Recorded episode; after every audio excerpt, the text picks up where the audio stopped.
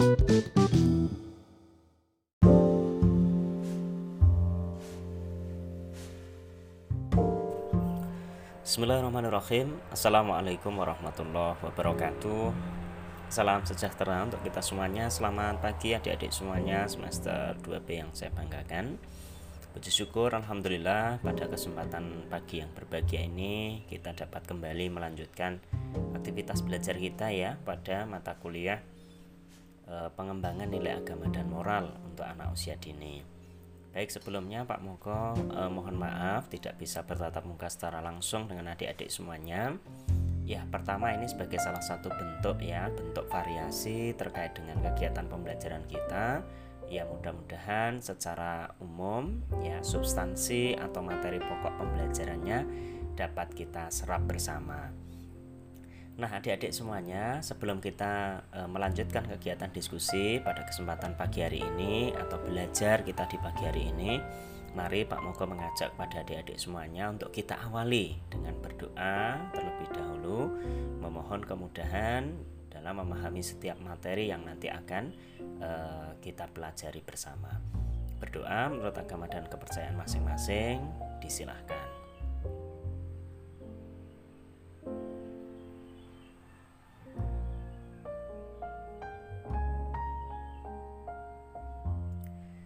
Selesai, terima kasih adik-adik semuanya. Jika pada minggu lalu kita sudah mendiskusikan atau belajar bersama terkait dengan rasional, ya, alasan-alasan penting mengapa kemudian nilai agama dan moral ini kita kembangkan pada diri anak usia dini begitu ya kemarin ada banyak sekali alasan-alasan sekaligus manfaat dari mengapa kita perlu e, mengembangkan nilai agama dan moral bagi anak usia dini. Utamanya adalah bagaimana kemudian kita memberikan pondasi atau dasar yang baik agar kelak anak-anak kita, anak-anak usia dini ini memiliki ketahanan ya konsistensi di dalam memegang nilai-nilai kebaikan di dalam kehidupannya gitu ya tahan atas berbagai macam godaan yang kemudian berpotensi ya menyimpangkan dirinya dari perilaku baik. Nah, pada hari ini kita akan melanjutkan kegiatan pembelajaran kita dengan topik utama yakni konsep nilai, nilai agama dan juga nilai moral. Jadi ada tiga hal yang nanti akan kita pahami bersama, yakni nilai, nilai agama dan juga nilai moral. Kita masuk ke slide yang nomor satu adik-adik semuanya.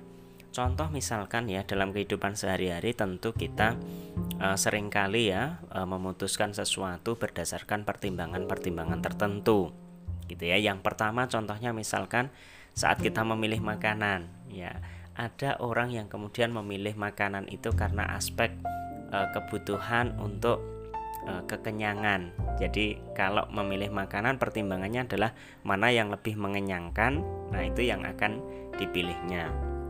Ada juga orang yang kemudian memilih satu makanan itu karena satu pertimbangan gizi atau kandungan nutrisinya. Jadi kalau makanan itu e, diyakininya gizi atau nutrisinya kurang maka dia tidak pilih gitu.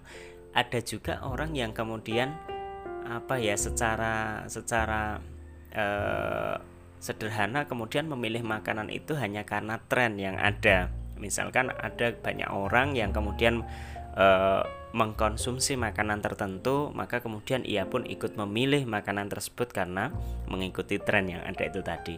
Jadi untuk hal memilih makanan saja tentu orang punya pertimbangan-pertimbangan tertentu untuk kemudian memilihnya, gitu ya. Nah, ini kalau kita jabarkan akan lebih banyak lagi pertimbangan-pertimbangan orang di dalam memilih makanan tadi. Contoh yang kedua, kita masuk ke slide yang kedua adik-adik. Ada orang yang punya pertimbangan tertentu pula di dalam contohnya memilih pakaian. Apakah dari aspek kenyamanannya, kemudian apakah dari aspek kesesuaian dengan mode atau situasi tertentu, ya, atau bahkan ada orang yang hanya memilih pakaian dari eh, apa merek atau eh, apa namanya brandednya saja. Nah ini juga ada berbagai macam pertimbangan. Jadi kalau kita refleksikan kepada diri kita sendiri, adik-adik semuanya, ya untuk memilih pakaian tentu ada berbagai macam pertimbangan sebelum kita memutuskan untuk memilih pakaian mana yang kemudian akan kita kenakan. Termasuk pada slide berikutnya, slide ketiga adik-adik semuanya kelak ketika adik-adik akan e, berumah tangga gitu ya. Tentu ada hal-hal tertentu yang adik-adik yakini ketika akan menentukan pasangan hidup adik-adik gitu ya. Ketika ada beberapa ya mohon maaf ya mungkin barangkali ada beberapa e, calon yang kemudian mengajukan e, lamaran kepada adik-adik semuanya maka tentu adik-adik dan keluarga punya pertimbangan-pertimbangan tertentu untuk siapa yang kemudian adik-adik e, yakini ya di dalam di dalam hati masing-masing mana pasangan yang sekiranya membuat adik-adik e, cocok gitu ya. Tentu memilih pasangan juga banyak orang dengan pertimbangan tertentu sesuai dengan e, keyakinan masing-masing gitu ya. Dan untuk um, apa namanya sampai hasil ya munculnya hasil keputusan siapa yang akan dia pilih tentu ada berbagai macam proses yang yang kadang-kadang harus dilalui oleh seseorang gitu ya untuk memutuskan berbagai macam pertimbangan yang itu tidak mudah. Nah, adik-adik semuanya dari tiga contoh tadi ya, memilih makanan, memilih pakaian, memilih pasangan, kita kalau masuk ke slide keempat tentu akan menemukan satu hal yang sama yakni apa di paling bawah adik-adik itu ya di dalam bagan ini ya di dalam uh, diagram ini kita menyebutnya sebagai uh, alasan untuk memutuskan sesuatu ya ini merupakan segala sesuatu yang kita yakini hal itu penting dan atau berharga ya. Karena aspek penting atau berharga inilah kemudian kita bisa menetapkan nih mana yang kemudian kita rasa sesuatu yang sangat penting yang kita yakini, sesuatu yang sangat berharga yang kita yakini, sehingga kita berani membuat keputusan dengan berdasar keyakinan itu tadi. Begitu ya. Jadi, keputusan yang kita kita ambil tentu berdasarkan pada satu keyakinan tertentu. Gitu ya. Umumnya orang, umumnya manusia akan membuat keputusan berdasarkan pada segala sesuatu yang diyakini penting itu tadi. Nah, pertimbangan kemudian untuk membuat keputusan yang mana pertimbangan itu kemudian segala sesuatu yang e, penting itu tadi atau berharga itu tadi, inilah yang kemudian kita sebut atau kita namakan nilai. Jadi segala sesuatu yang memang benar-benar bernilai bagi diri kita tentu kecenderungannya akan mendorong kita memilih sesuatu, memutuskan sesuatu berdasarkan pada nilai-nilai yang kita yakini itu gitu ya. Jadi e, garis lurusnya adalah nilai itu merupakan segala sesuatu yang kita yakini penting atau berharga dalam kita membuat setiap keputusan. Oke, kita masuk ke slide yang kelima. Nah, berbicara tentang nilai tentu e, sesuai dengan perkembangan ya, perkembangan pemikiran seseorang, ya, pengembangan ilmu pengetahuan, ya, perkembangan arus diskusi di berbagai macam pakar kemudian muncul ya muncul satu eh, apa namanya istilah terkait dengan jenis-jenis nilai. Nah, salah satunya adalah apa yang disampaikan oleh Prof. Sa'dun Akbar dan kawan-kawan bahwa nilai-nilai itu ya barangkali adik-adik sudah sering mengenalnya ya. Ada berbagai jenis. Ya, di antaranya yang pertama adalah nilai agama. Nilai agama adalah nilai yang sumber utamanya adalah dari uh, Tuhan yang Maha Esa, ya di dalam keyakinan ataupun agama masing-masing tentu ada nilai-nilai yang kita jadikan dasar ya atau rujukan di dalam kita e, mengambil keputusan atau melakukan sesuatu atau apa pun ya yang terkait dengan pertimbangan-pertimbangan tertentu. Nah, kemudian yang kedua ada nilai keilmuan. Jadi di dalam membuat satu keputusan seseorang itu kadang membuat e, menentukan keputusan itu berdasarkan ranah ilmu pengetahuan jadi ilmu pengetahuan bicara apa? Ya, ilmu pengetahuan e, menyampaikan apa tentang sesuatu yang akan kita pilih itu, maka kita menggunakan acuan itu, ya, nilai il, nilai keilmuan itu, nilai ilmu pengetahuan itu di dalam memilih sesuatu atau bertindak atau berperilaku. Kemudian yang ketiga, juga ada namanya nilai ekonomi.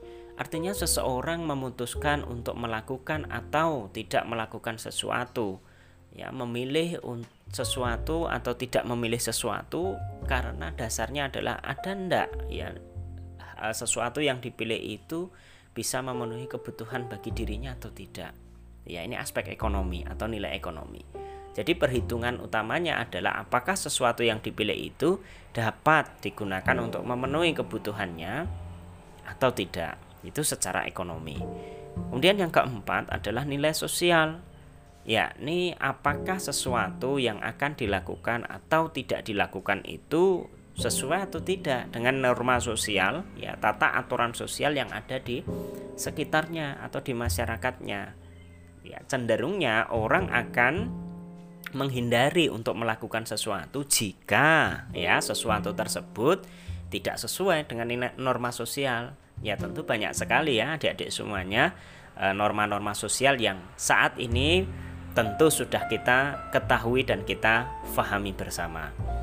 Yang kelima adalah nilai politik, yakni orang kecenderungannya melakukan sesuatu atau tidak melakukan sesuatu dengan dasar apakah ya yang akan dilakukan itu memberi pengaruh bagi orang banyak atau tidak memberi pengaruh bagi orang banyak.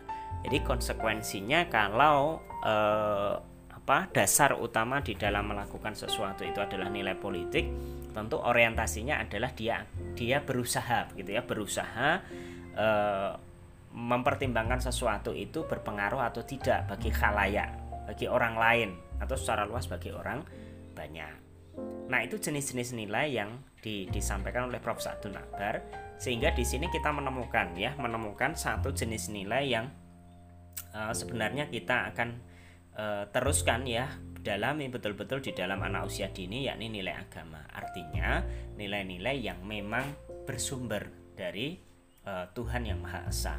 Gitu ya. Ada banyak sekali ya tentu nilai-nilai yang bersumber dari uh, Tuhan yang Maha Esa ini. Kemudian selanjutnya di slide ke-6, nah ada lagi pendapat lain ini pendapat yang jauh lebih lebih tua ya usianya yakni dari uh, Philip Fenwick yakni dari di tahun 1964 mengungkapkan ada enam jenis nilai. Nah, kita bahas secara sekilas. Ada yang pertama nilai simbolik. Artinya ada suatu simbol-simbol tertentu yang baik tulis maupun lisan ya yang diyakini oleh masyarakat. Nah, nilai simbolik ini yang kemudian mendorong masyarakat meyakini bahwa di dalam menyelesaikan satu masalah ini sebaiknya diselesaikan dengan cara komunikasi. Baik dengan tulis maupun dengan lisan. Ya. nah apa ada cara menyelesaikan dengan dengan tanpa komunikasi? Ada banyak adik-adik sekarang ya. Kalau kita jumpai masalah ada yang diselesaikan dengan kekerasan gitu ya. Ada masalah yang diselesaikan dengan saling diam dan seterusnya tetapi dengan nilai simbolik ini tentu orang bergeser paradigmanya bahwa masalah harus diselesaikan dengan cara berkomunikasi. Kemudian yang kedua adalah nilai empiris ya, sama dengan nilai ilmu pengetahuan bahwa nilai empiris ini yang mendasari atau melandasi seseorang di dalam memilih sesuatu itu berdasarkan pengalaman hidup dirinya maupun pengalaman hidup orang lain serta ilmu pengetahuan terkait dengan hal-hal yang akan dipilihnya. Kemudian yang ketiga nih adik-adik Nah, ini nilai etik. Nilai etik itu terkait betul ya dengan moral. Moral itu terkait dengan baik dan buruk. Jadi pertimbangan seseorang di dalam melakukan atau tidak melakukan sesuatu itu landasan utamanya adalah apakah sesuatu itu baik atau apakah sesuatu itu buruk. Nah, ini menjadi satu dasar penting. Karena apa? Kemampuan utama yang harus dimiliki oleh manusia adalah tentu kemampuan untuk membedakan mana yang baik dan mana itu yang buruk gitu ya. Yang keempat adalah nilai estetis artinya adalah eh, orang-orang uh, ya memilih melakukan sesuatu berdasarkan pada uh, nilai keindahannya atau nilai yang terkait betul dengan perasaannya. Jadi kadang-kadang ada itu orang yang tanpa berpikir secara logis ya tetapi lebih mengedepankan perasaannya di dalam memilih atau uh, melakukan sesuatu gitu ya. Yang kelima adalah nilai sinoetik. Artinya adalah orang akan melakukan sesuatu berdasarkan pada pengalaman pribadinya, dirinya sendiri yang berkesan di dalam hidupnya. Itu ya, kadang kita kita pernah mengalami suatu suatu peristiwa atau pengalaman yang sangat itu berkesan sehingga betul-betul melekat di dalam diri kita. Nah, pengalaman yang amat berkesan inilah kemudian yang kelak akan memberikan satu pertimbangan bagi kita untuk apakah saya akan melakukan sesuatu ataukah saya tidak melakukan sesuatu yang terkait dengan pengalaman yang berkesan tadi. Ya tentu ada ya adik-adik. Jadi pengalaman tertentu yang membuat kita masih teringat terus hingga sekarang yang kemudian e, menyebabkan kita kemudian kalau memilih sesuatu kadang-kadang gitu ya masih dilandasi dengan pengalaman yang sangat berkesan tadi. Yang terakhir adik-adik semuanya adalah nilai sinoptik. Artinya adalah dari keseluruhan ya dari keseluruhan nilai simbolik empirik etik estetis sinoetik tadi kemudian ini yang kemudian merangkum ya. Merangkum yang kalau di dalam terminologi mata pelajaran atau dalam istilah mata pelajaran ini muncul dalam uh, mata pelajaran agama. Yang tentu di dalamnya ya ini terangkum ya banyak sekali nilai-nilai kebaikan yang ada di dalam mata pelajaran agama itu sendiri atau secara umum di dalam masyarakat kita tentu nilai-nilai kebaikan itu terangkum dalam yang namanya uh, agama yang kita yakini masing-masing. Nah, di dalam penjelasan Philip Panic ini kita menemukan adik-adik yang namanya nilai etik atau nilai moral. Artinya adalah nilai yang secara sederhana dipahami bahwa untuk melakukan sesuatu harus didasari dengan pertimbangan apakah sesuatu itu buruk atau sesuatu itu baik. Baik untuk siapa? Baik mulai dari baik untuk diri sendiri, ya, baik untuk orang lain, baik untuk alam sekitar, gitu ya, dan juga baik menurut keyakinan kita pada uh, Tuhan yang Maha Esa, gitu ya. Jadi nilai moral yang nanti akan kita kembangkan pada diri anak usia dini tentu saja adalah nilai yang bersumber pada hal yang baik ataukah justru untuk menghindari hal yang buruk. Kita masuk ke slide berikutnya, slide yang ketujuh adik-adik semuanya. Dari nilai-nilai yang tadi ada, kemudian muncullah satu istilah. Istilah yang kita sebut dengan nilai universal. Apa ini nilai universal? Artinya adalah nilai-nilai yang secara lintas personal ya, artinya setiap orang dari latar belakang apa pun ya, baik dari ras, suku, agama, kebangsaan ya, dan lain-lain ini meyakini ya meyakini atau membenarkan nilai-nilai universal ini. Atau secara eh, apa istilah lain bisa disebut juga nilai universal universal ini adalah kebenaran yang secara umum diakui oleh setiap manusia ya di sini ada tiga kolom adik-adik semuanya. Ya secara sekilas ini nilai-nilai yang ada di nilai-nilai universal yang ada di negara kita. Ini contohnya ada di Permendikbud nomor 20 tahun 2018 ya. Mulai dari pasal 2 ini ada 18 nilai adik-adik. Ya contohnya misalkan ada nilai-nilai religius ya jujur toleran disiplin bekerja keras ya kreatif mandiri dan seterusnya. Tentu orang-orang meyakini bahwa nilai-nilai ini adalah nilai-nilai yang universal artinya di negara mana pun ya dari suku apa pun tentu meyakini bahwa kejujuran toleransi disiplin kemauan untuk bekerja keras, kreatif ini adalah hal-hal yang dipandang baik. Kemudian secara lebih ringkas lagi di Permendikbud ya, masih Permendikbud yang sama pasal 3 ini merangkumnya menjadi nilai 5 uh, sorry, menjadi 5 nilai. Yakni yang pertama adalah religiusitas. Artinya setiap perilaku kita harus dilandasi pada keyakinan kita kepada nilai-nilai agama. Kemudian nasionalisme, kemandirian, ya gotong royong atau kerjasama dan juga integritas. Ini adalah nilai-nilai umum yang diyakini banyak orang akan kebenarannya. Kemudian khusus untuk eh, anak-anak uh, ya ini ada Diana Tillman dan Diana Su yang mengatakan bahwa ada beberapa nilai ya yang yang kemudian sebenarnya uh, menurut istilah mereka sih ya tanda kutip uh, tanda petik bahwa ini nilai yang wajib diajarkan untuk anak-anak ya pada anak usia dini khususnya. Yakni apa? Bagaimana kita sama-sama uh, menjaga atau menanamkan untuk uh, menjaga kehidupan kita di dalam ruang kedamaian. Kemudian uh, bagaimana terkait dengan penghargaan akan sesuatu yang baik, bagaimana kita kemudian menumbuhkan cinta dan kasih sayang, tanggung jawab, kebahagiaan dan seterusnya.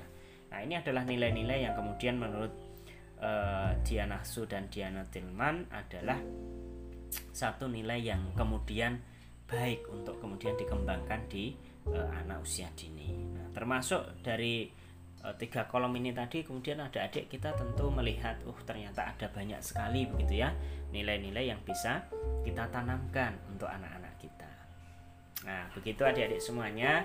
Jadi eh, bagaimana kemudian kita saat ini bisa merefleksi kembali, ya, memahami kembali ternyata apa itu makna nilai, kemudian apa itu makna dari nilai agama dan juga apa itu makna dari eh, nilai moral. Nah, selanjutnya adik-adik sekalian, adik-adik bisa melanjutkan kegiatan di Spada ya untuk membaca eh, modul materi secara lebih lengkap Kemudian juga adik-adik di sana nanti eh, adik-adik uh, Pak Moko minta untuk menyelesaikan bagian assignment ya tugasnya di akhir di mana sesuai petunjuknya adalah adik-adik diminta nih menyusun perbandingan mengenai apa itu nilai, apa itu nilai agama dan apa itu nilai moral. Di mana komponen penilaiannya ini sudah uh, Pak Moko berikan ya di dalam uh, apa namanya file tugas yang ada di Spada. Jadi nanti adik-adik membuat kolom tuh ya kolom yang atas tuh di, diisi misalkan nilai kemudian kolom kedua diisi e, nilai agama dan kolom ketiga diisi nilai moral. Kemudian nanti di masing-masing apa namanya masing-masing kolom itu adik-adik uraikan tuh misalkan komponen pembandingnya apa? Misalkan dari definisinya oh definisi untuk nilai itu apa?